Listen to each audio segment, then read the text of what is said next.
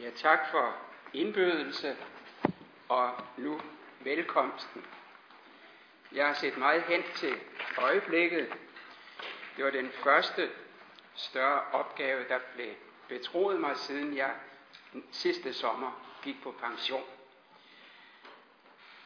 Men Erik har Erik delt hand, mit handout ud. Eller hvor er han henne? Eller er der en anden, der vil træde til? Det er lige så rart at få det gjort nu, end under foredraget. Øh, Du kan lige sige, hvad men jeg kan, de ting, der er oversat til tysk. øh, ja. Øh, licentatafhandling, og det er jo altså i gang, noget gammelt noget, kan man sige, for det går jo tilbage til 75, 1975, blev året efter, eller ah, to-tre år efter, udgivet i professor Otto Betzes serie Arbejden som Neuen Testament und Judentum, som bind 3, med titlen Person Jesus und Gottes Reich. Og det er da også Otto Betz, et studieophold hos ham i Tübingen i 1970. Jeg for en stor del kan takke for den indsigt, jeg har opnået, ikke mindst også at få syn for forbindelserne mellem Ny Testamente og Dødehavsrullerne. Og det førte også i 1995 til en bog, en sammenlignende studie af Dødehavsrullerne og det Nye Testamente. Hvis jeg selv må have lov at nævne en bog, du ikke berører det. Men det handout, der nu går rundt, håber jeg naturligvis kan være til hjælp. Der er de, de afgørende ting i foredraget fastholdt, og bibelsteder nævnt. Øh, den meget opmærksomme læser vil lægge mærke til, at der omtales noget, som jeg ikke kommer ind på i foredraget. Jeg har lavet nogle øh, sammentrækninger, nogle øh, lidt forkortninger under indtryk af det, jeg har oplevet her, at ens foredrag altid bliver lidt længere, når man står i situationen. Sådan tror jeg også, det er gået nogle af talerne. Og øh, jeg håber så ikke, at der er nogen, der vil synes, at han da bare forkortet lidt mere. Der er altså sket noget, men ikke så meget.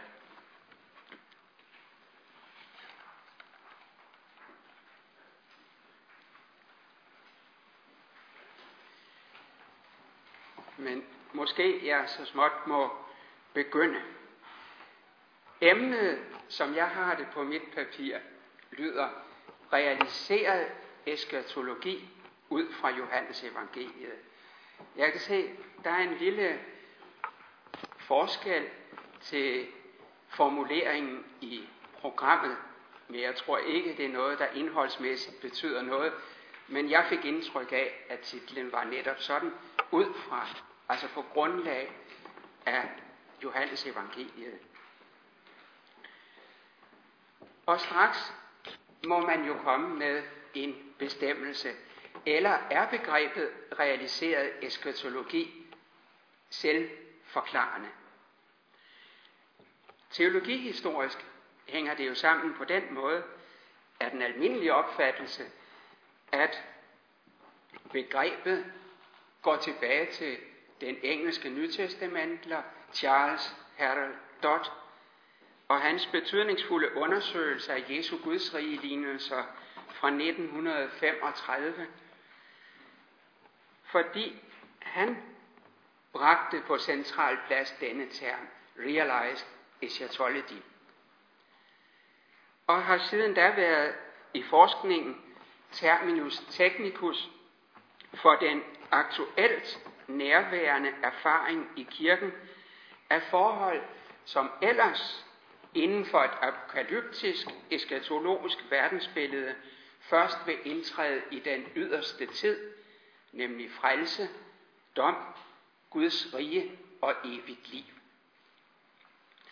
Når jeg i det følgende altså skal forsøge at give et ris af eskatologien hos Johannes som realiseret eskatologi, altså med særlig hensyntagen til det, man også har benævnt det det præsentiske aspekt, så er det vigtigt at understrege, at alt hvad der følger ikke må miskendes eller opfattes som en miskendelse af det futuriske aspekt.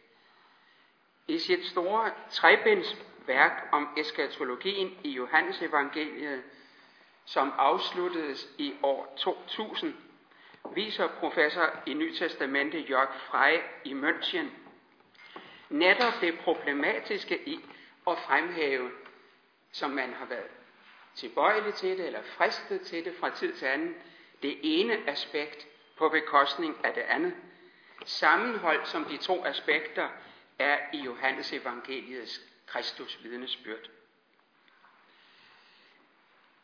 Punkt 1. Jesu forkyndelse af Guds rige. I det hele taget er det vigtigt at bevare blikket for den teologiske enhed i Guds frelses handlinger.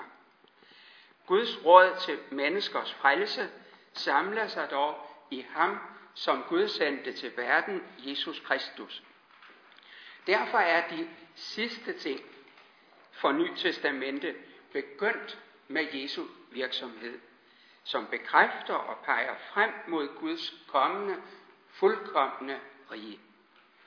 Denne tanke om den allerede indledte endetid findes i Jesu forkyndelse af Guds rige, som også Jonstad var inde på det, og er af afgørende betydning for Johannes' fremstilling. Og ligesom vi hos Johannes bemærker tendensen til at undgå apokalyptikkens udmalende billedsprog, således har allerede Jesus selv modificeret den jødiske apokalyptiks rent fremtidige forventning med sin forkyndelse af, at endetidens gudsrige allerede er kommet nær. Når evangelisten Markus skal sammenfatte det budskab, hvor med Jesus er fremtrådt, sker det i følgende prægnante udsagn. Markus 1:15.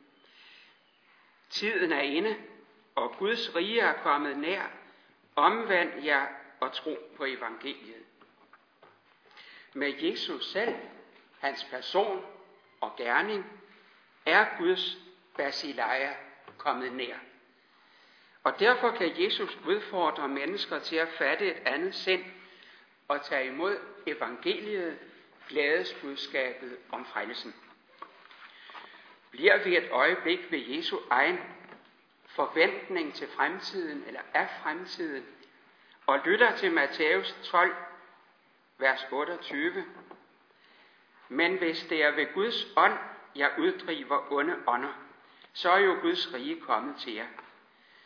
Møder vi her overbevisningen om, at Guds fremtidige rige allerede er begyndt gennem det, Jesus gør.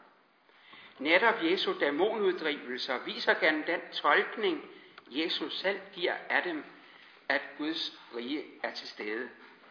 Det er ikke bare brudt frem, men det er kommet med hans person og gerning. Derfor kan Jesus også på farisæernes spørgsmål om, hvornår kommer Guds rige, svare Lukas 17, vers 20, 21. Guds rige kommer ikke, så man kan jagtage det. Man vil heller ikke kunne sige, se her, eller se der, for Guds rige er midt i blandt jer. Hvor Jesus er, der er Guds rige til stede med dets frelsende og nyskabende kræfter. Der er den nye skabelse begyndt at tage skikkelse. Ikke kun som et løfte og en længsel, men som en realitet. Vi får her bekræftet, at Guds rige for Jesus er et dynamisk begreb, som angiver, at den eskatologiske fremtid allerede virker ind på nutiden. Herfra går der en direkte forbindelse til Jesus svar på det spørgsmål om den kommende, som Johannes Døberen fra sit fængsel sender bud om gennem sine disciple. Svaret, gå hen og fortæl Johannes, hvad I hører og ser. Blinde ser og lamme går. Spedalske bliver rene og døve hører, og døde står op, og evangeliet forkyndes for fattige. Og særlig er den, der ikke forarves på mig. Altså Matthæus 11, 5 følgende. Det, der overvælder en, er Jesus stærke henvisning til den empiriske nutid. I behøver bare at fortælle, hvad I selv har hørt og set. Som fortolkningsnøgle tjener naturligvis det i Jesus svar antydede hentydninger eller implicerede hentydninger til profetier hos Esajas. Men det afgørende er, at de profetiske forudsigelser nu går i opfyldelse. Jesu gerning lader i en omfattende forstand forstå, at hvor han virker, der er Guds rige ikke længere kun fremtid, men også nutid. Punkt 2. Dommen som en nutidigt nærværende virkelighed i Johannes evangeliet. Vender vi os nu til det, der er vores hovedemne, eskatologien i Johannes evangeliet og det som realiseret eskatologi, møder vi netop den stærkest tænkelige forkyndelse af, at det som ellers først tænkes virkelig gjort i den yderste tid, allerede er noget, der sker her og nu. Vel tales der om dom, og her i det følgende kan det være, der er en lille afklaring af de hensydninger, der var i professor Slenskas besvarelse af et spørgsmål om, øh, om dom. Der tales om dom 3, øh, kapitel 3, vers 18 og 19. Men dommen er ikke fremstillet som en kosmisk begivenhed ved dagenes ende.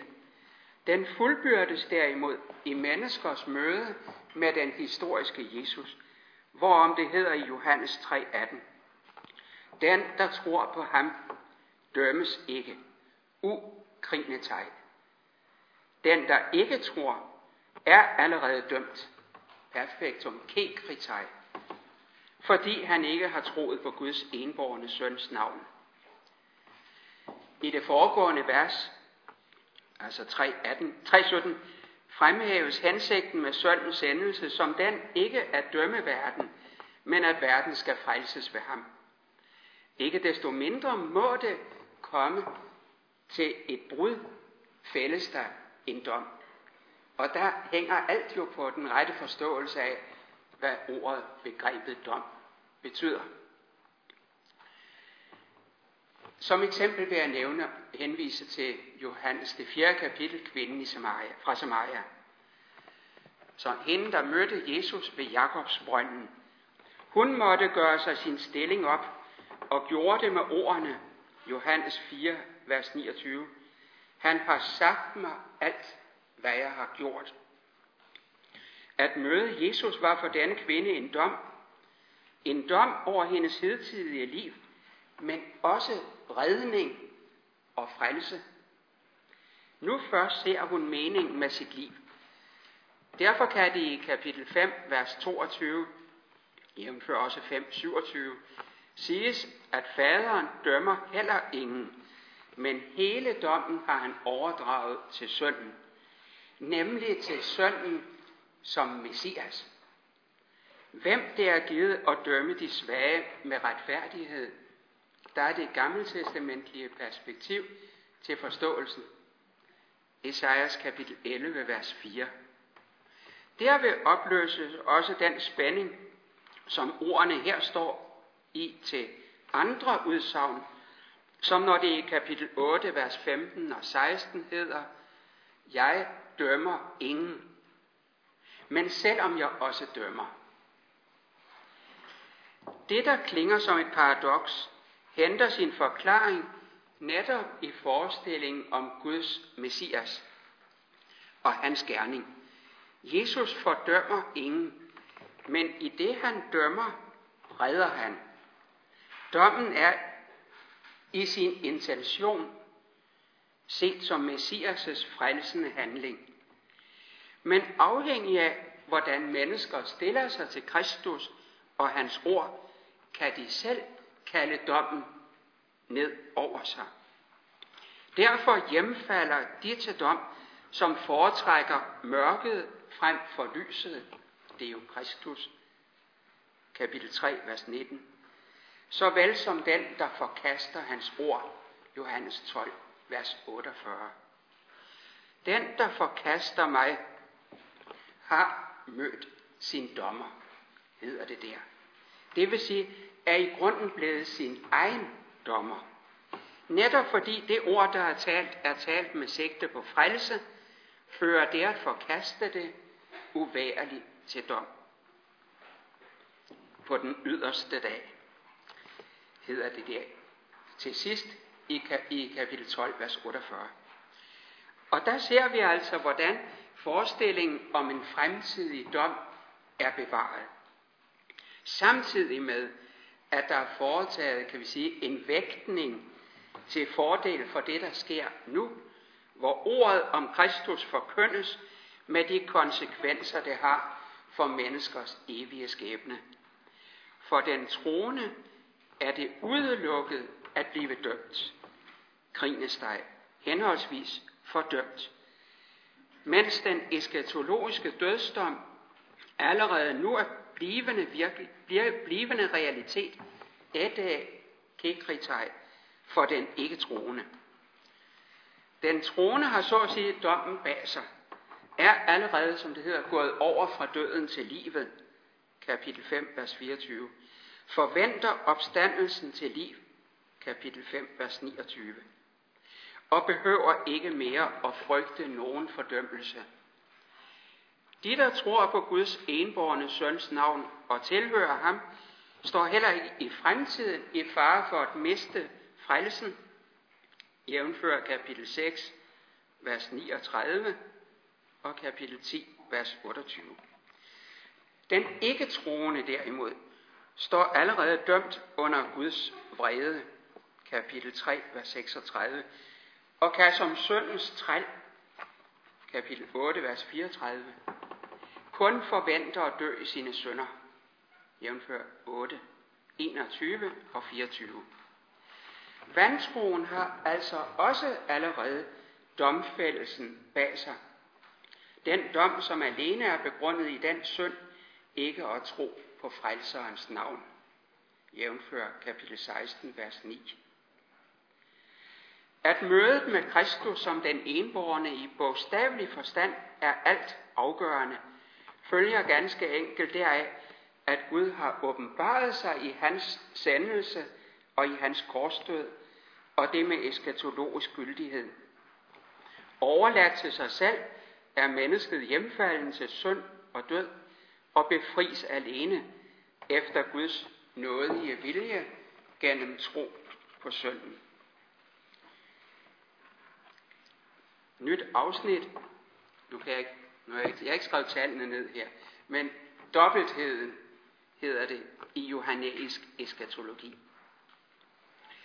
Dobbeltheden i den johannæiske eskatologi viser sig ikke mindst i vendingen Erketai Hora Kai Nynestin.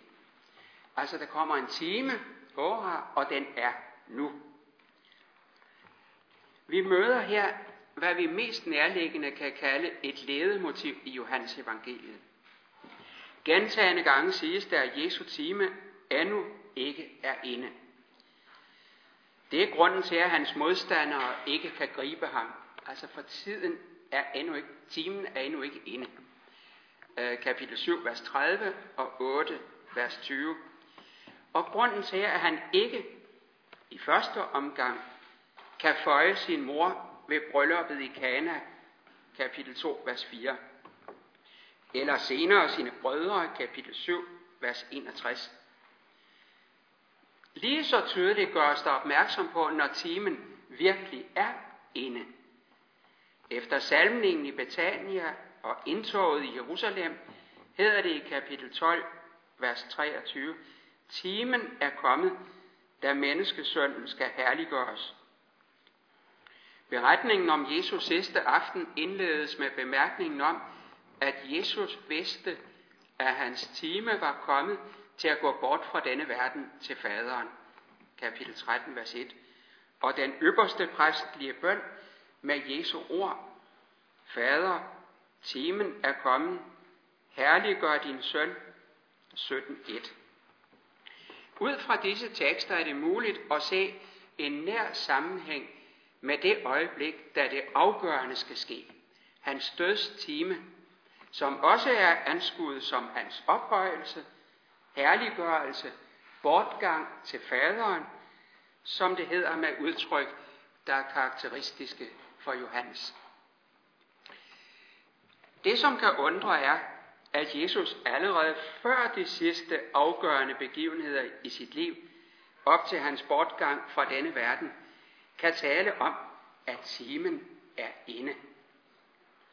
Det gælder ret beset allerede for fortællingen i kapitel 2 om vinunderet i Kana.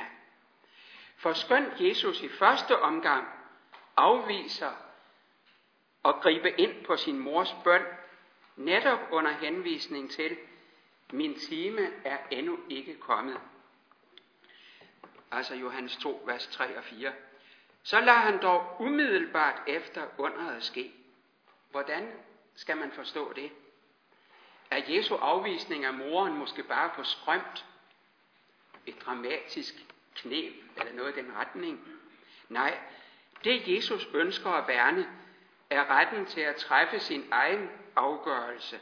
Det vil sige friheden til i alle ting at bøje sig for faderens vilje. Hårdere er den i Guds plan bestemte time, som mennesker, heller ikke Jesu mor, kan forføje over. På den ene side er Jesu time ganske rigtigt endnu ikke inde.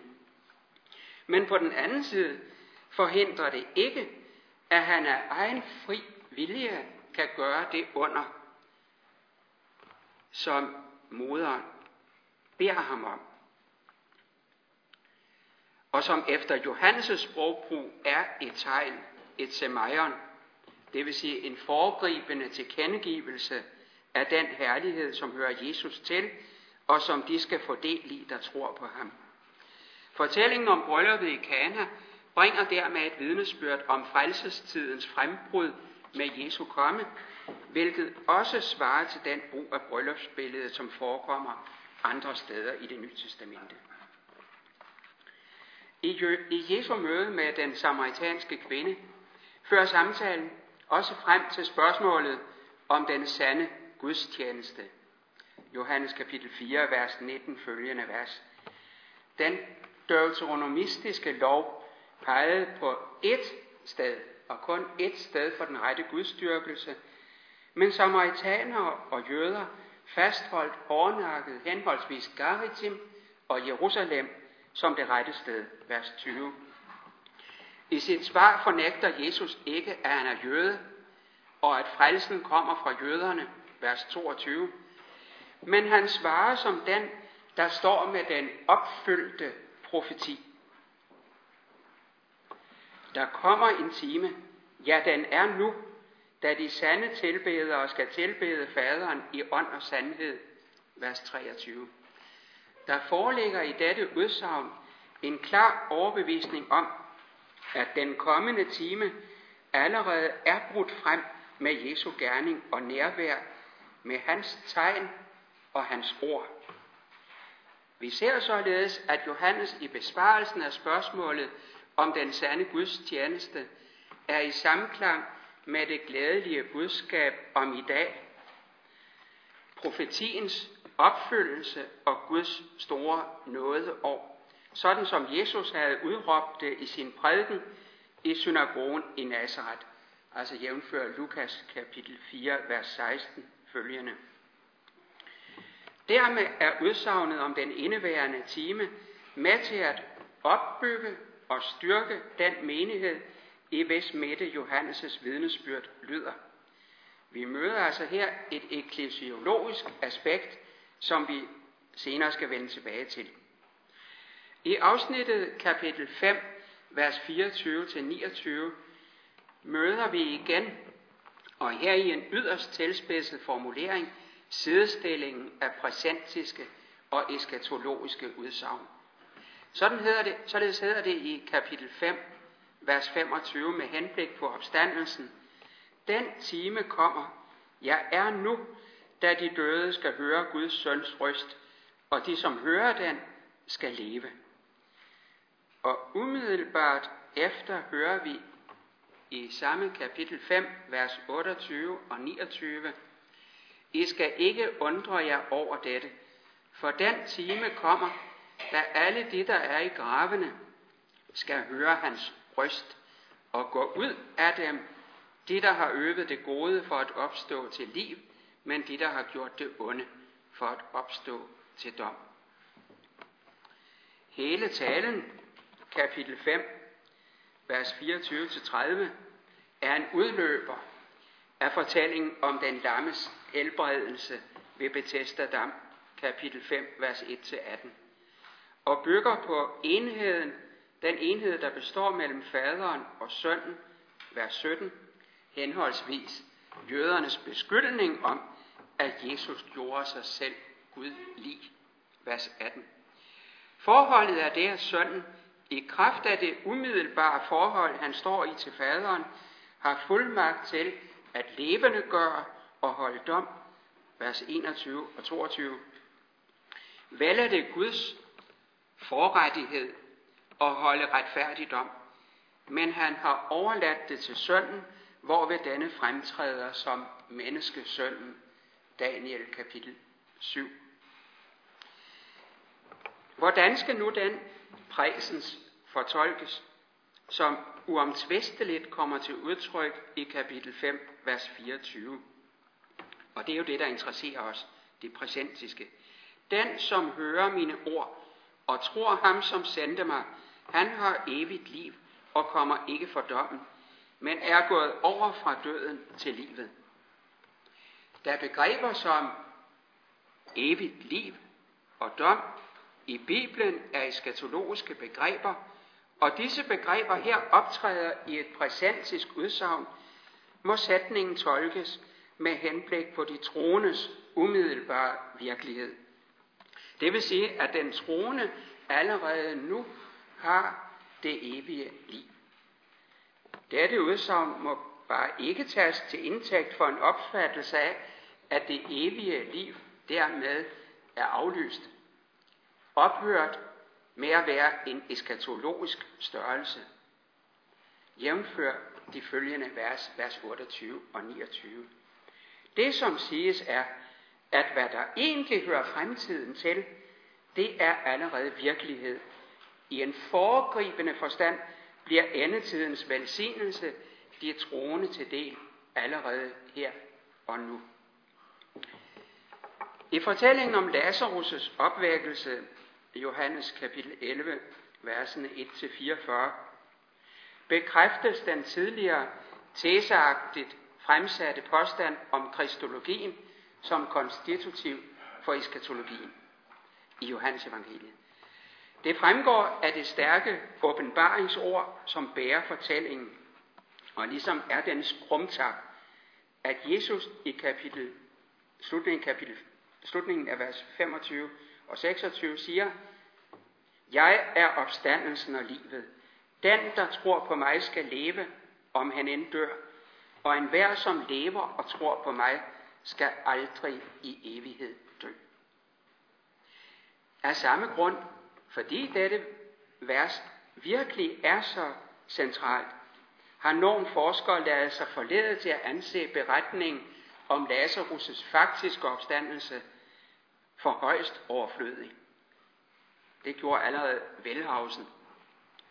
Eller til blot at tilkende den en rent illustrativ betydning for evangelisten, således Johan J. Becker. Og, og dermed føjer Rudolf Bultmann sig kun i en længere kæde af idealistisk, rationalistiske tænkere, når han tolker tegnene hos Johannes som en ren og skær indrømmelse til den menneskelige svaghed. At Jesus virkelig har øvet store under, må selv hans modstandere modvilligt indrømme, jævnfør kapitel 11, vers 27, reaktionen fra nogle af dem, der overværede det. I Johannes' fremstilling leder handlingsgangen der også følger rigtigt frem til det øjeblik, da Lazarus, da Lazarus på Herrens bud går ud af graven til vidnesbyrd om Jesu magt, og som et tegn på den opstandelse, hvormed han selv skulle herliggøre Gud. Udover spørgsmålet om, hvorvidt fortællingen afspejler en virkelig begivenhed, har diskussionen ikke mindst gået på forståelsen af den eskatologi, der er impliceret i denne fortælling.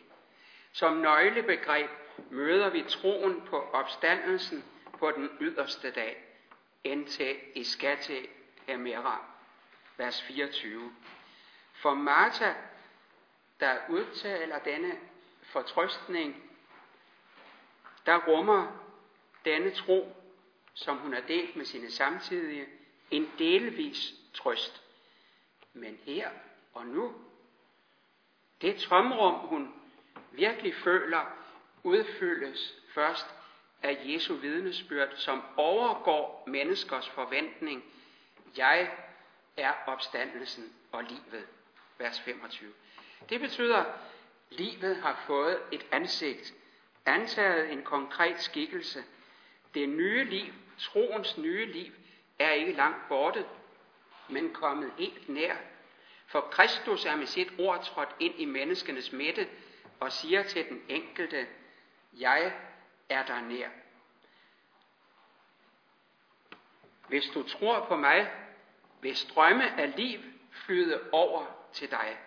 Jævnfør Johannes 7, 38.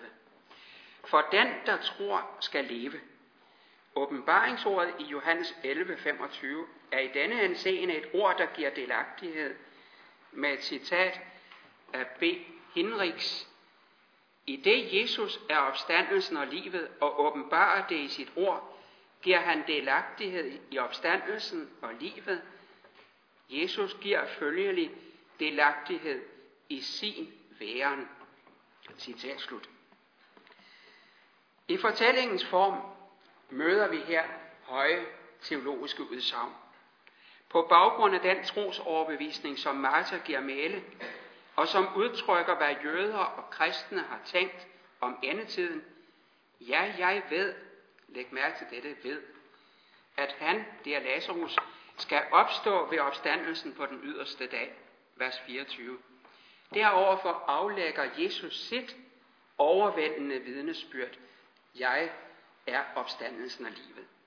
Han er selv, hvad håbet rummer, og det her og nu.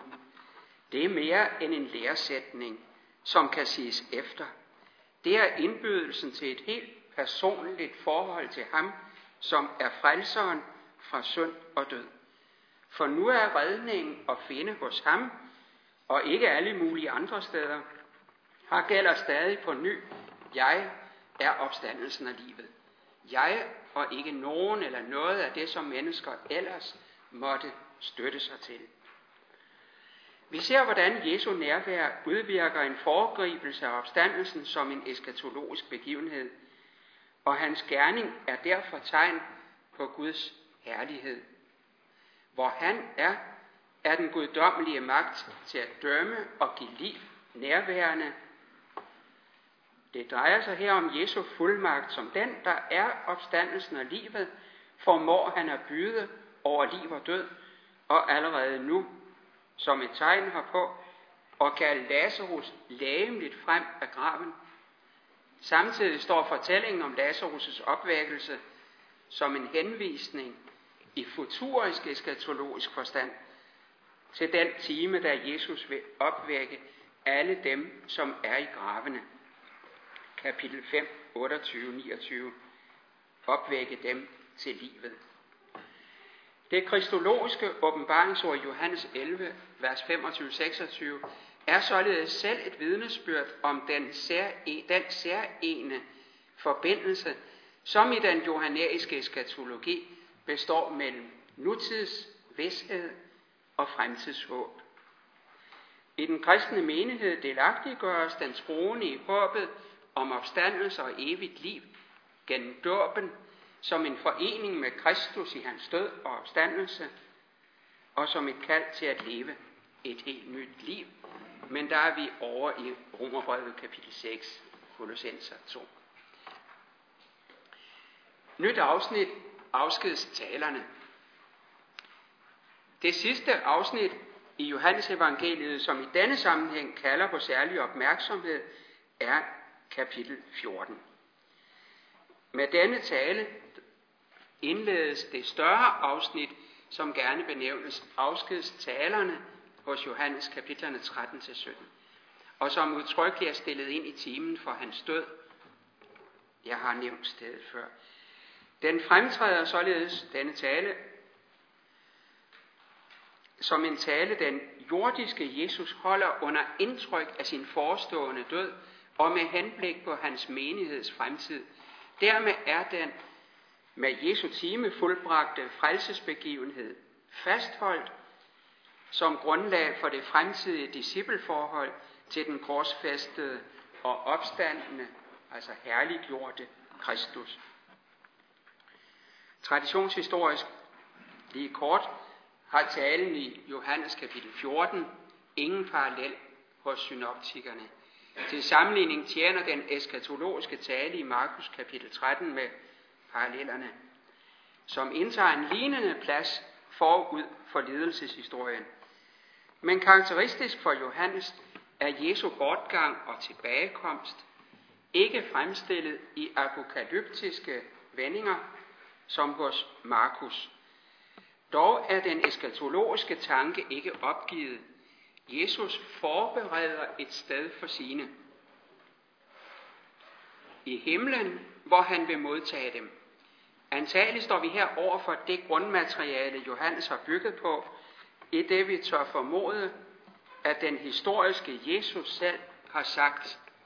Det er i hvert fald den formodning, jeg hørte min lærer i Tybing, Otto Michel, udtrykke sådan, jeg ved, hvorfra jeg kommer og hvor jeg går hen. Altså et ord talt ud af Jesu selvbevidsthed, selvforståelse. Centralt står forudsigelsen af en fremtidig genforening. Når jeg er gået bort og har gjort en plads rede for jer, kommer jeg igen og tager jer til mig, for at også I skal være, hvor jeg er. 14.3 Vidnesbyrdet om Jesu genkomst viser, at Johannes er rodfæstet i den urkristlige forventning om Herrens pausi. Samtidig sker der i og det kan vi godt høre, en for Johannes en kobling med parakletens komme. 14.18 Charles K. Barrett taler om, at tanken om Jesu komme til de troende er beriget af forestilling om parakleten hvis gerning er at formidle det guddommelige nærvær. Afgørende er det, at Jesu åndelige nærvær og Helligåndens gerning alene er sikret gennem Jesu bortgang, gennem død og opstandelse og herlighed. Men netop det forhold, at Jesus i Johannes evangeliets sammenhæng taler stadig stærkere om sin bortgang, det at han skal gå bort gør samtidig, at disciplene ængstes for fremtiden. På den baggrund styrker han dem med sin appel, tro på Gud og tro på mig. 14, øh, vers 1. Faderen og sønnen er, som et tilbagevendende tema i den del af Johannes evangeliet, et. I må altså tro, siger den johannæiske Kristus, at Guds hus står åben for jer, og jeg er den, der som Guds søn fører jer ind i Guds hus. Vel går jeg bort, men det er kun for at gøre alt klar for jer, og siden kommer jeg der også igen og tager jer til mig, for at også I skal være, hvor jeg er, og hvor jeg går hen, derhen kender I vejen. 14, 3 og 4. Hvor nært forbundet er ikke her eskatologi og kristologi. Vidnesbyrdet om frelsesmålet, faderens hus, som er et med Guds rige, fører direkte over i talen om vejen derhen, og hvad mere er, Jesus åbenbarer på Thomas' spørgsmål, at han selv er vejen. Jeg er vejen og sandheden og livet. Ingen kommer til faderen uden ved mig. Kapitel 14, vers 6. Det, der gør det meningsfuldt at tale om realiseret eskatologi hos Johannes, er netop det forhold, at disciplene og dermed disciple menigheden til alle tider, allerede nu oplever, at Jesus er vejen, som den, der skænker, hvad han selv er, sandhed og liv. Jævnfør kapitel 1, vers 14, 11, 25. Begreberne sandhed og liv bidrager til at fuldbyrde vendingen til nutiden. Jesus vil engang tage sine disciple til sig i faderens hus, og derved vise sig for dem som vejen. Men han er allerede nu vejen. Fordi det alene er i troen på ham, at hans gaver bliver mennesker til del. Ingen kommer nu og en gang til faderen uden ved ham. Efterfølgelsen må derfor bestå i troen på Jesus som den korsfæstede, men genopstandende og herliggjorte, ved hvis død den eskatologiske frelse bliver menigheden til del. I denne tro skal disciplemenigheden hente trøst og finde modet til at holde stand i trængslen. Jævnfør steder som Johannes 14, 1, vers 27, vers 29 og kapitel 16, vers 33. Nyt afsnit, talsmanden.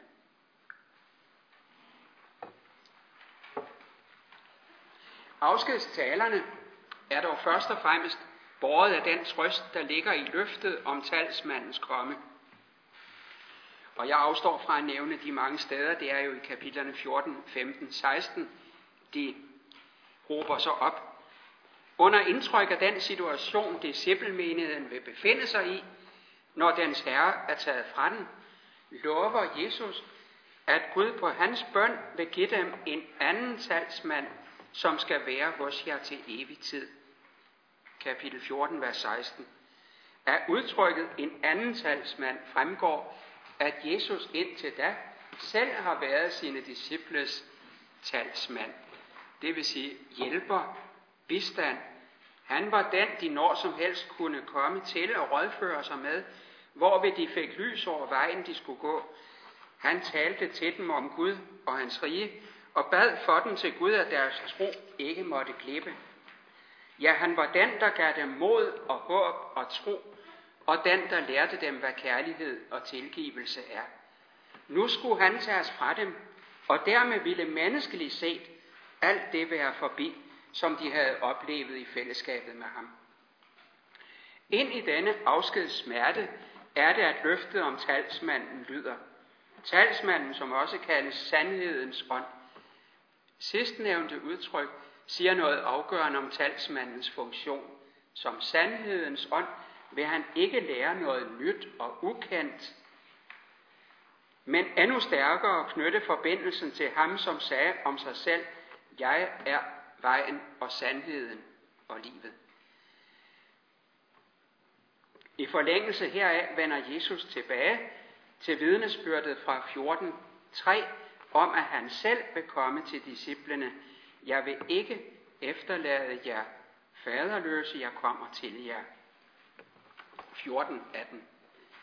Hvis de ser rigtigt til, vil det, der forestår, nemlig være til deres eget bedste, så de snarere end at græmmes skulle glæde sig over, at han går til faderen. 14, 28, 16, 7. Dermed er der banet vej for et nyt og stærkt fællesskab i kredsen af dem, der tror på Jesus, for jeg kommer til jer. Og kan vi føje til, han er kommet. Vel at mærke ikke sådan, som han vil komme en gang, når han kommer igen for at dømme levende og døde, men sådan som menigheden i sin gudstjeneste oplever ham som dens opstandende og levende herre. Trofast opfylder han sit løfte om Helligånden ved at sende talsmanden, sandhedens ånd, som skal være hos jer til evig tid, og som skal lære jer alt og minde jer om alt, hvad jeg har sagt jer. 1426.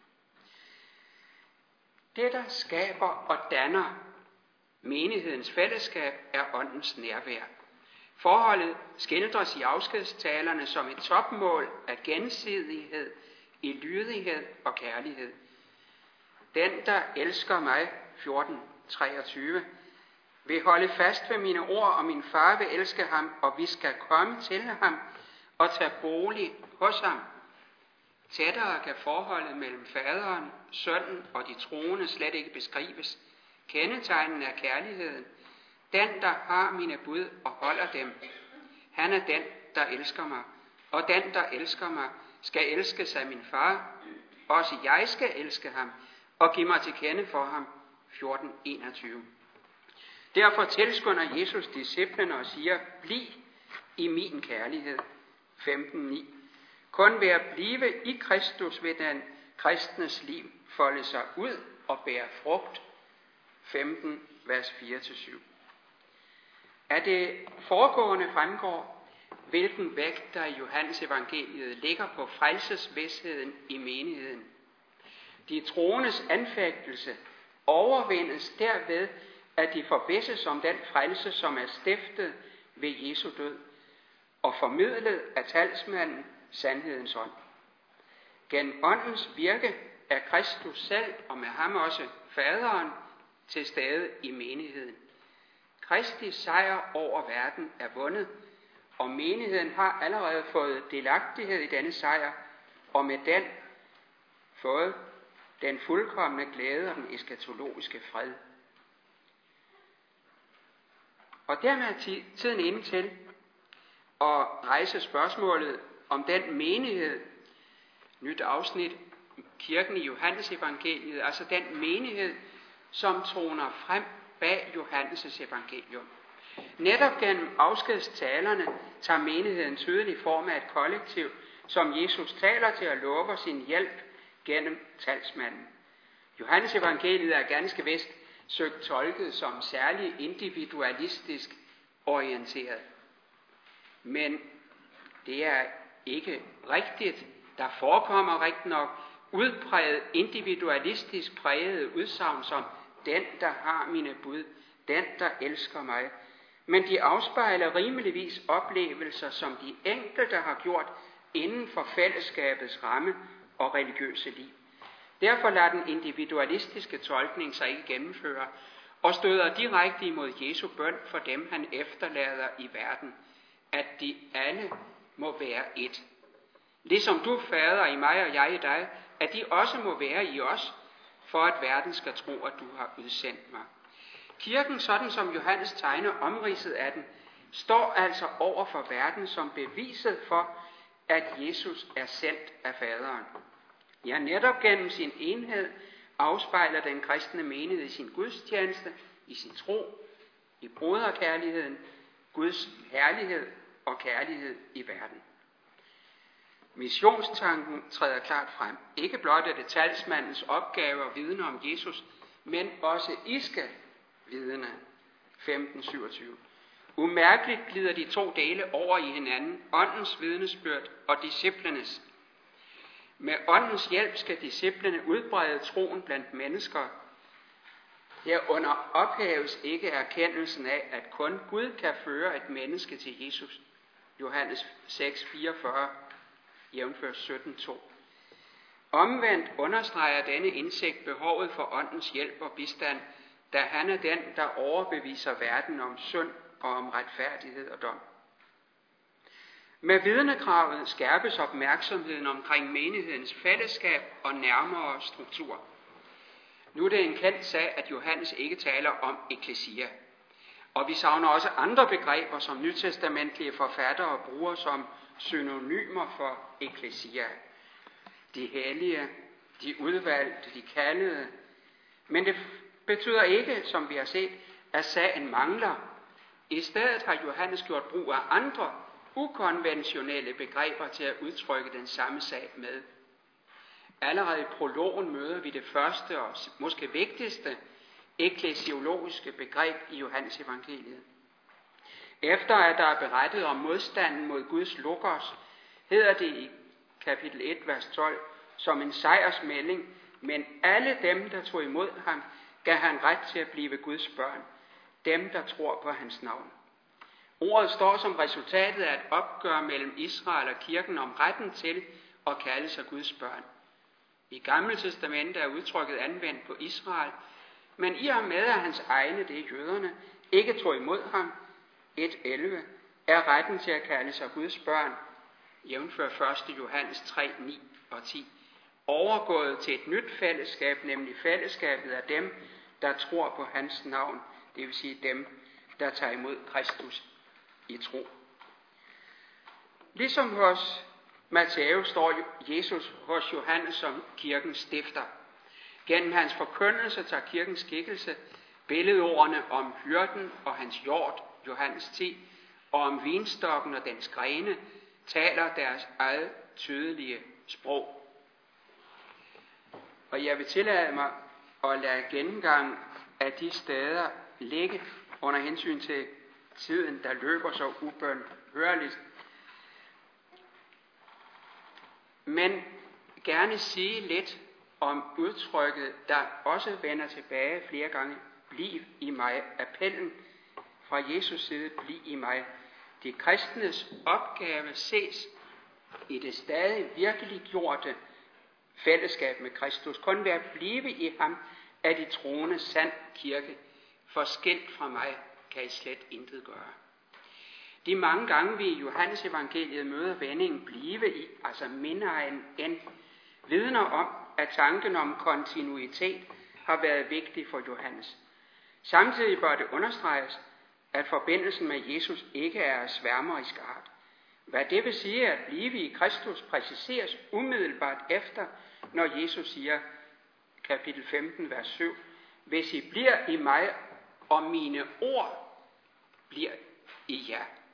Forholdet til ham indbefatter, som Claus Hager har påpeget, trofasthed mod en læretradition. For Johannes er Jesu ord som udtryk for den historiske Jesu forkyndelse kirkens grund. Først når mennesker stilles over for Jesus og vidnesbyrdet om ham, viser det sig, om de hører til Jesu for, dem der gør sandheden, eller om de er nedenfra af denne verden. Sådan var det på Jesu tid, og sådan er det også i kirkens dage. Det er afgørende, det er afgørende at se, hvordan kirken har del i Jesus sendelse. Ligesom Jesus var sendt til verden af Gud, således sender han kirken til verden og giver den sit ord, sådan, så det bliver kirkens ord. Kapitel 17, vers 20. Under indtryk af åndens nærvær forkynder kirken dette ord som et vidnesbyrd om Jesus og frelsen i ham. Her igen kommer kirkens eskatologiske sendelse til syne på en sådan måde, at verden hører hans stemme. I kapitel 3, vers 11 gives der ligefrem udtryk for, at Jesus lever videre i det vi, som alle hans vidner udgør. Ligesom Jesus selv er åbenbaringen af Guds herlighed for verden, således også hans kirke. På denne baggrund vil Edward Schweitzer hævde, at den johannæiske kirke egentlig ikke mere har en vej at gå, ingen kamp at udstå, intet mål at nå, og undervurderer derved den anfægtelse og trængsel, som er kristnes vilkår til alle tider.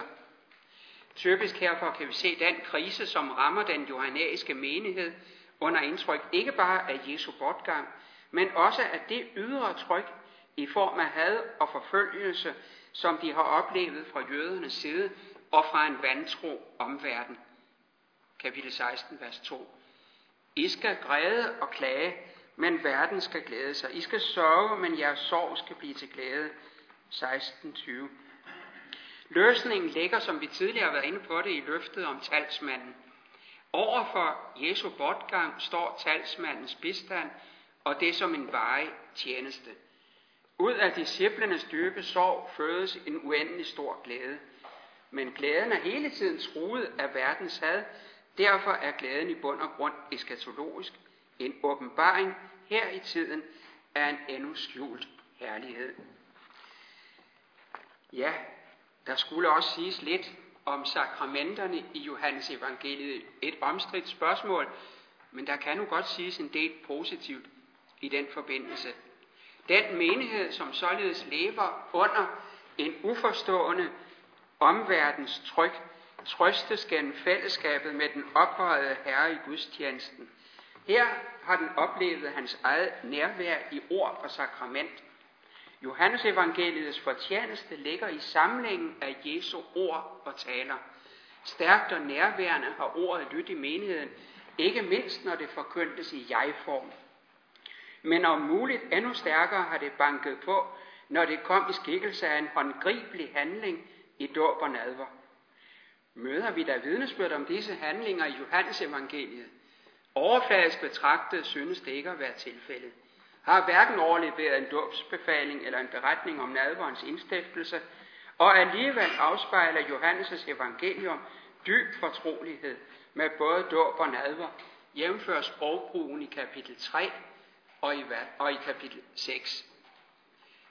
Nu først dåb i begyndelsen, eller i slutningen af Johannes det 3. kapitel, vers 22 og 26, og begyndelsen af det 4. de to første vers, foreligger der en tradition om, at Jesus og disciplene har døbt i 4.2, korrigeret til, at Jesus dog ikke selv døbte. Johannes står alene med kendskabet til denne dåbsvirksomhed, og vender heller ikke tilbage med yderligere oplysning til belysning deraf. Men netop i bemærkningens let henkastede form ligger der utvivlsomt en pålidelig afspejling af, hvad der har været praksis i Johannes' menighed. Da det i 4.1 fortælles, at han, det er Jesus, vandt flere disciple og døbte flere end Johannes, kan vi heraf udlede, at det at blive disciple er knyttet til at blive døbt. Uanset om Jesus nu selv har døbt eller ej, forkynder han, at mennesket må undergå en radikal fornyelse for at komme ind i Guds rige. Henvendt til den jødiske rådsherre Nikodemus siger Jesus, den der ikke bliver født på ny eller født ovenfra, kan ikke se Guds rige. Et udsagn, som i vers 5 følges op af en præcisering af udtrykket på ny eller ovenfra. Den, der ikke bliver født af vand og ånd, kan ikke komme ind i Guds rige. Vi må forstå, at Johannes tænker sakramentalt realistisk. Det er heller ikke muligt at ordlyden og overhøre henvisningen til den kristne dåb. Her skinner Johannes' sakramentale teologi igennem. For at tage et lille spring, så der også måske lige må falde et par ord om nadveren hos Johannes. På trods af, at Johannes evangeliet ikke indeholder nogen direkte henvisning til indstiftelsen af nadveren, er der grund til at antage, at beretningen om indstiftelsen ligger bag udformning af talen om livets brød i kapitel 6. Denne tale knytter sig til fortællingen om to tegn, Jesus gjorde bespisningen af de 5.000, Johannes 6, vers 5-13, og vandringen på søen, vers 16-25. Fortællinger, som er lige så tæt forbundet hos Johannes, som de er i Markus evangeliet. Beretningen om bespisning har der også mange, gange, mange træk fælles med synoptikerne i skildringen af, hvordan Jesus tager brødene og velsigner dem, henholdsvis takker, bryder dem og lader dem dele ud. Disse træk forklares mest nærliggende som en levende erindring om nadverens indstiftelse, afspejlet i menighedens nadverpraksis, en praksis, som på sin side er udtryk for den kontinuitet, der har bestået mellem den sidste nadver og alle de foregående måltider, Jesus indtog sammen med sine disciple. Og så vil jeg foretrække at nå frem til slutningen, at der dog bliver lidt tid tilbage inden næste omgang.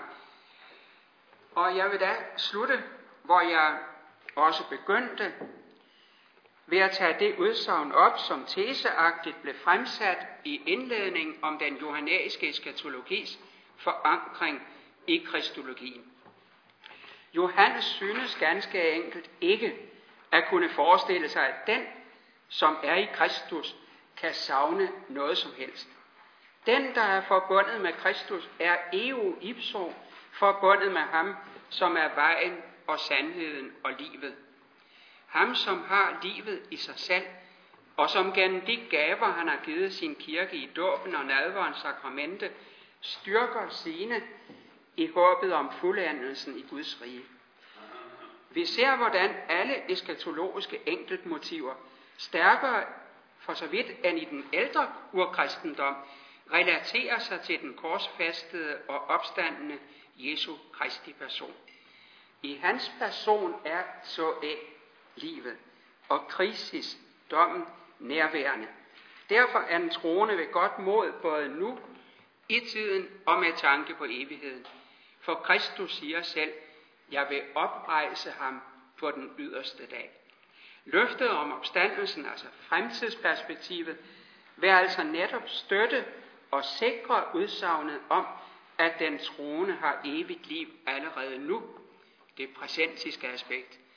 Den, som nu i tiden hører Guds søns røst, vil også når Kristus kommer i fuldendelsen, høre hans stemme trænge ind i gravene og af ham lade sig føre til livet. Og så undskylder jeg, at det nok bliver lidt for langt.